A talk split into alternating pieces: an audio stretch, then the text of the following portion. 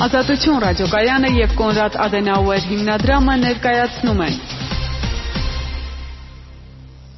Կոնրադ Ադենաուեր հիմնադրամը եւ Ազատություն ռադիոկայանը ներկայացնում են. Զրույցներ կորոնավիրուսի մասին հաղորդումների շարքը։ Ես բժիշկ Վահե Մինասյանն եմ, իմ այսօրվա հյուրը Հայաստանի Հանրապետության առողջապահության նախարարի ինֆեկցիոն հիվանդությունների գծով խորհրդատու Նարինա Սարգսյանցն է։ Բարի երեկո։ Բարի երեկո։ Մենք այսօր զրուցելու ենք այն մեթոդաբանության մասին, որը թույլ է տալիս որոշել, որ այս կամ այն հիվանդը արդեն իսկ առողջացել է, այլևս կորոնավիրուսի տեսակետից վտանգ չի ներկայացնում իր եւ իհարկե իր շրջապատի համար։ Ինչպես է դա արվում հիմա, չէ՞ որ մենք հիշում ենք, որ առաջին օրերին, երբ հիվանդությունը ներխուժեց Հայաստան, հիվանդներին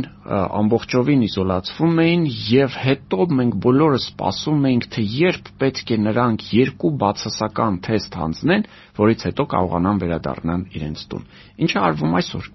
Որպեսի պատասխանել այս հարցին, նախ պետք է հասկանալ, որ վարակային հիվանդությունները ունեն մի շարք առանձնահատկություններ, որոնք տարբերում են իրենց այլ սոմատիկ հիվանդություններից։ Եվ այստեղ խոսելով կոնկրետ կորոնավիրուսային վարակի COVID-19-ի ապակինման մասին, մենք պետք է հստակ տարանջատենք իրական ապակինումը եւ վիրուսի տարանջատման դադարեցումը, որը տարբեր հասկացողություններ են։ Այսինքն վարակի աղբյուր լինելը, այսպես ասենք։ Այո։ Սա կարող եմ համեմատել նույն գախնի շրջան հասկացողության հետ, որովհետև կա ռեալ գախնի շրջան, դեռ երբ հիվանդությունը կլինիկորեն չի արտահայտվել եւ օրինակ կա գախնի շրջան, որը կապակցված է հակամարմինների սինթեզի հետ, հա, որոնք տարբեր հասկացողություններ են։ Նույնը այստեղ Այսինքն COVID-19-ի ապաքինումը նախ կախված է նրանից, թե ինչ ծանրության աստիճանի է հիվանդությունը։ Եթե մենք խոսում ենք օրինակ անախտանիշ հիվանդների մասին կամ թեթև ընթացքով հիվանդների մասին, ապա պարզ է, որ նամանավան թեթև ընթացքով հիվանդները, որ այստեղ ապակինումը ավելի արագ է, այսինքն մենք խոսում ենք կլինիկորեն, այսինքն հիմնական գաղափարը կլինիկորեն ապակինումն է հիվանդի եւ այս ձևերի ժամանակ նու անախտանիշ ընդհանրապես ախտանիշ չունի իսկ թեթև կլինիկականը սովորաբար մի քանի օրում հիվանդության կլինիկական ախտանիշները հետ են զարգանում։ Եթե իհարկե մենք խոսում ենք արդեն այն ձևերի մասին, որոնց ժամանակ թոքաբորբ է զարգանում, այսինքն միջին ծանրությանը թոքաբորբ առանց հիպոքսիայի,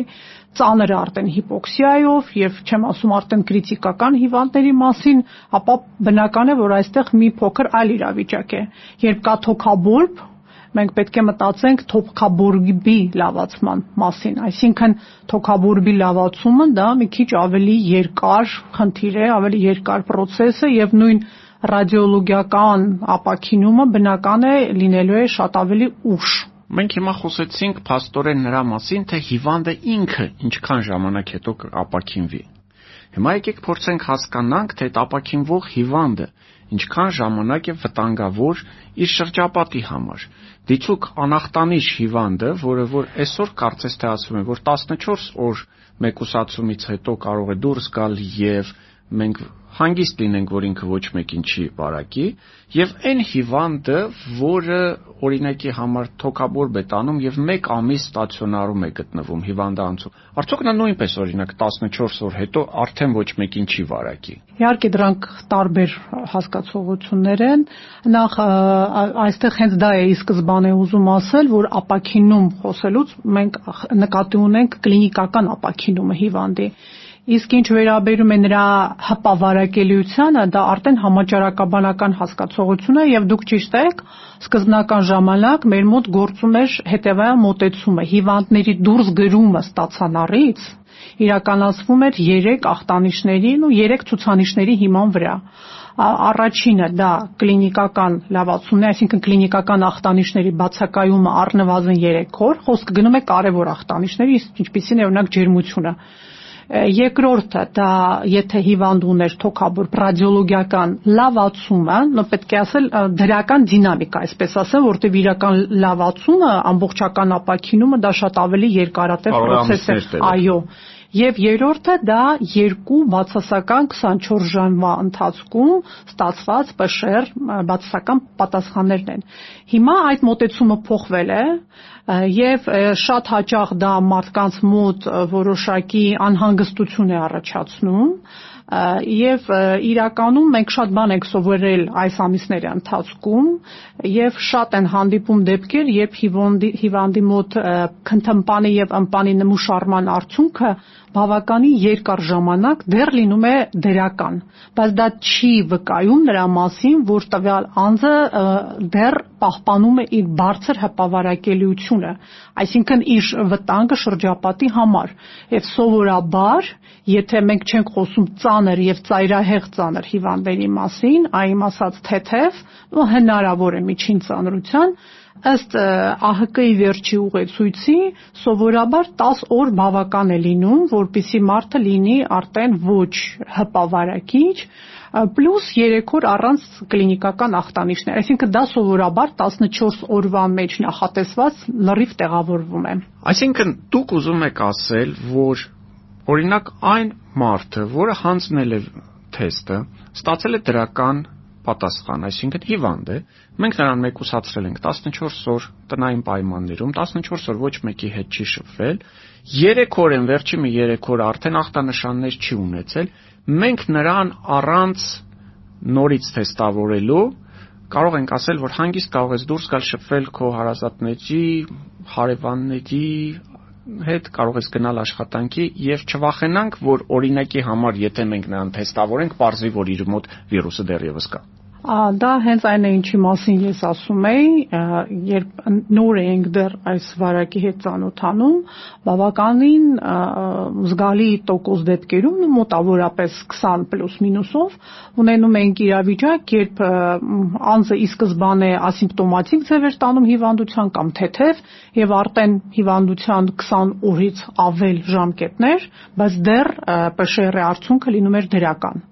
հետագայում իհարկե այդ հարցի պատասխանները ստացանք, որովհետև ՊՇՌ-ի դերական արդյունքը դեռ չի վկայում նրա մասին, որ ինչպես ասեցի, այդ մարդը դեռ պահպանում է իր բարձր հպավարակելիությունը, այսինքն ՊՇՌ-ի դերական արդյունքը կարող է վկայել ոչ ամբողջական, ոչ վարակիչ վիրուսի արկայության մասին, այսինքն ինչ է նշանակում բարձր վարակելիություն, ինչ է նշանակում ամբողջական, այսինքն այնուամենայնիվ այդ մարդը, որ դուրս եկավ, ունի շանս ինչ որ մեկին վարակելու։ Տեսեք, մի անգամ եմ ասում, դա կախված է հիվանդության ծանրության աստիճանից եւ դա բնական է միջին վիճակագրական թվեր են։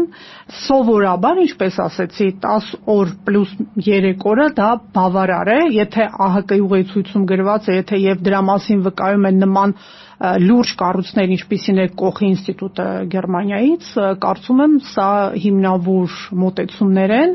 եւ իհարկե տեստի դրական արդյունքը միջև հիմա էլ կան անձինք, որոնք ինքնուրույն գնում են տեստ հանձնելու կամ գործատուի պահանջով գնում են տեստը հանձնելու 14 օր անց, երբեմն 25 օր անց եւ տեստը դեռ լինում է դրական։ Դա ինչպես ասացի, պետք է նաեւ հասկանալ ՊՇՌ հետազոտության մեթոդաբանությունը, այսինքն նա ստուգում է վիրուսի RNT-ի արկայությունը կամ RNT-ի հատվածի արկայությունը եւ ոչ թե ամբողջական վիրուսի։ Լավ, եկեք քննարկենք մի այլ տարբերակ։ 14 օր անցել է։ Որոշակի ախտանշաններ ունեմ, ջերմությունս պահպանվում է եւ հանձնում եմ ու ելի դրական գալիս է։ Այդ դեպքում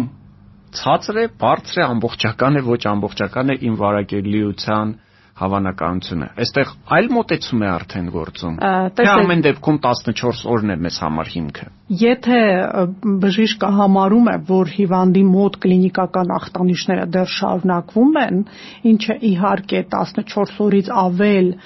թեթև ընթացքի դեպքում արդեն կասկած պետք է հարուցի, որ տվյալ ընթացքը թեթև է, այսինքն պետք է բժիշկը հավանաբար փնտրի որևէ այլ պատճառ պահպանվող ջերմության, կամ բարդություն հիվանդության կամ որևէ միացած վարակ կամ ավելի հարաճուն ընթացք հիվանդության, որով որովհետև երբեմն մենք միշտ բժիշկներին ի սկզբանե դրա մասին ասել ենք, որ մոտավորապես 10-ից 15% դեպքերում հիվանդության առաջի շաբաթվա վերջից հնարավոր է վիճակի վարդարացում, այսինքն հնարավոր է պրոգրես հիվանդության։ Դրա համար իհարկե դա բժիշկը պետք է գնահատի, արդյոք սա հիվանդության խորացում է, ավելի ծանր ձևերի անցում է, թե ոչ։ Բժշկուհի Սարգսյան, այսպիսի մի հարց. Կան արդյոք մասնագիտություններ, որոնց պարագայում այ դուք կպնդեիք, որ բացասական տեստի պարագայում նոր մարդը գնա աշխատանքի։ Օրինակի համար բժիշկների համար, բուժքույրերի, բուժ աշխատողների համար։ Ես կարող եմ այսօր հիվանդանամ, հանձնեմ տեստը լինի դրական, 14 օր թեթև սիմպտոմներով անցկացնեմ եւ խնդիրներ չունենամ եւ գամ սկսեմ աշխատել հիվանդների հետ, այսինքն թույլ օրգանիզմ ունեցող այլ հիվանդություն ունեցող մարդկանց հետ եւ իմ մոտ աստորեն հնարավոր է դեռևս պահպանված լինի եւ թեկուզ փոքր հավանականությամբ, բայց ես կարող եմ նրանց ի վերջո վարակել օրինակի համար մենք բաժանում ենք այդպիսի խմբերի այ այ այս մասնագիտությունների տեր մարդիկ հաստատ պետք է հանձնեն նոր գնան աշխատանքի իսկ սրանք կարծես թե չէ ավելի անվտանգ են մենք ասելով ես նկատի ունեմ բժշկական հանրույթը գուցե Հայաստանը գուցե Եվրոպան, գուցե Միացյալ Նահանգները։ Ինչպես ձեզ ասեցի, մենք դեռ շատ բան սովորում ենք եւ շատ հարցերի պատասխաններ դեռ հստակ չունենք եւ նույն մոտեցումը ինչքան ժամանակ պացիենտներին մեկուսացնել, կրկներ տեստերը թե ոչ, տարբեր երկրներում այս պահին բավականին տարբեր են։ Անկամ ամեն երկրի մեջ մի քանի անգամ փոխվում են։ Փոխվելը նորմալ է, որտեվ դա ըստ ստացվող տեղեկությունների է, պետք է չմոռանանք, որ սա լրիվ նոր ինֆեկցիոն հիվանդություն է բայց այն որ մոտեցումները նու նույնը դա է կարող բացատրել որ ինչու են տարբեր երկրներում դեռ գործում տարբեր մոտեցումներ ուղղակի ստեղ մեկ անգամ եմ ասում մոտեցումները HIV ստացանարից դուրս գրման պացիենտի ապակինման նրա հպավարակելության մի քիչ տարբեր հասկացողություններ են օրինակի համար կարող եմ ասել որ հիվանդանոցից ստացանարից դուրս գրման մոտեցումները մեր մոտ փոխվել են սկզբնականները որոնք թվարկվեցին 3 թվարկեցին 3-ը փոխվել են ելնելով նրանից որ հիվանդացությունը մոտավորապես դա եղել է հունիսի սկզբին որ դիտվել է հիվանդացության աճ մահճակալային ֆոնդի հետ կապված լարվածային լարված իրավիճակ այն ժամանակ որոշ որոշումը կայացվել է այնպես որ եթե հիվանդի վիճակի մեջ դիտվում է դրական դինամիկա եւ դա թույլ է տալիս հիվանդին դուրս գրել, այսինքն նույնը ինչ որ թվարկեցի ջերմաստիճանի նվազում, ռադիոլոգիական լավացում, հա, դա թույլ է տալիս արդեն հիվանդին դուրս գրել, բայց բնական է այն պայմանով, որ հիվանդի հսկողությունը եւ բուժումը շարունակվի արդեն ամբուլատոր պայմանում, այսինքն եւս 14 օր ինքը արդեն առաջնային օղակի բժշկի հսկողության տակ նրա բուժումը շարունակվում է արդեն ամբուլատոր տնային պայմաններում։ Վերջում չի հանձնում եւս մեկ անգամ թեստ։ Այս պահին մոտեցումը այդպեսին է, այո։ Լավ, թեստ չեմ հանձնում, մոտեցումը այդպեսին է, մենք թեստավորում ենք, որպեսի առաջնային ես հասկանում եմ հիվանդներին ավելի շատ փորձենք հայտնաբերել Այնուամենայնիվ, ունեմ տարեց ծնողներ, ունեմ տարեց տատիկ պապիկ։ Ես հասկանում եմ 14 օր դուրս գրվելուց հետո 14 օր գտնվեցի կամ ի սկզբանե թեթև տեսակների 14 օր գտնվեցի իմ պոլիկլինիկական բժիշկների հսկողության տակ։ Իրականում դուք որպես մասնագետ քանի օր հետո խորհուրդ կտակ ես գնամ այցելեմ իմ ծնողներին գրկեմ համբուրեմ կամ իմ տատիկ պապիկին այցելեք, բայց մի գրկեք եւ համբյուրեք, այդպես ասեմ, այսինքն դեռ պահպանեք այդ կանոնները, որ վստահ լինեմ, որ ես նրանց համար վտանգ չեմ ներկայացնում։ Տեսեք, ինչպես ասեցի, ավելի հավանական է, որտեվ հավանականության պրինցիպով պետք է խոսենք, տեսեք, նույն PCR-ը կարող է լինել բացասական, բայց մարդը դեռ լինի հպավարակիչ, հա, պետք է մենք այդ կղանքի մեջ կարող է չէ, որովհետև կարող է նույն տեխնիկան PCR-ի կամ այո, քթմպանի նմուշարման, ըմպանի նմուշարման խախտվել է, հա, այսինքն տեստը լինի կեղծ բացասական, հա, մենք գիտենք, որ հիմա շատ են նաև ասում, որ տեստերը լինում են բացասական, բայց արկա են շատ նման իդի պատկեր։ Այսինքն պետք է հասկանանք, որ տեստերը նույնպես կատարյալ չեն, դա մեկ զուտ տեստերի որակը եւ նմուշարման խնդիրներ էլ կան, այսինքն շատ բավականին մեծ տոկոսով տեստի պատասխանը կախված է նաեւ նմուշարման ճիշտ տեխնիկայից։ Կան երկրներ այսօր, որոնք այ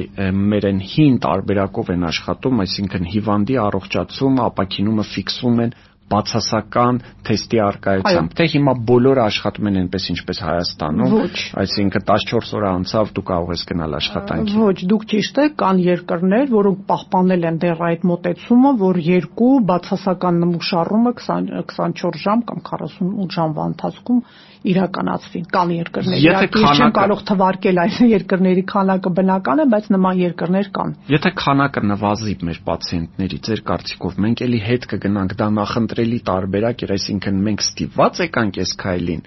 թե իրականում դուք կարծում եք, որ 14 օրը դա բավարար է։ Մի քիչ ճիշտ է, հարակից է, բայց այնքան էլ իմ դաշտը չէ, որտեղ սա մի քիչ համաճարակաբանի խնդիրներ են, բայց այսպես ասեմ, իհարկե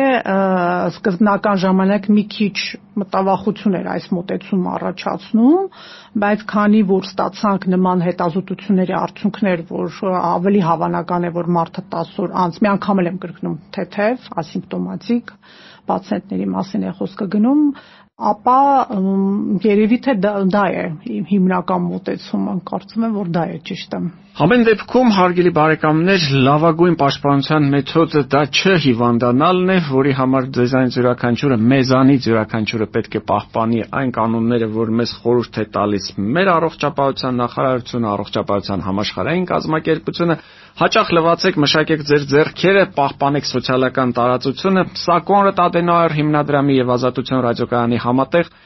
պրոյեկտն է, որը կոչվում է Զրույցներ կորոնավիրուսի մասին։ Ես բժիշկ Վահե Տերմինասյանն եմ, իմ հյուրը այսօր առողջապահության նախարարի ինֆեկցիոն հիվանդությունների գծով խորհրդատու Նարինա Սարգսյանցն է։ Կհանդիպենք մեկ շաբաթից։ Առողջ եղեք։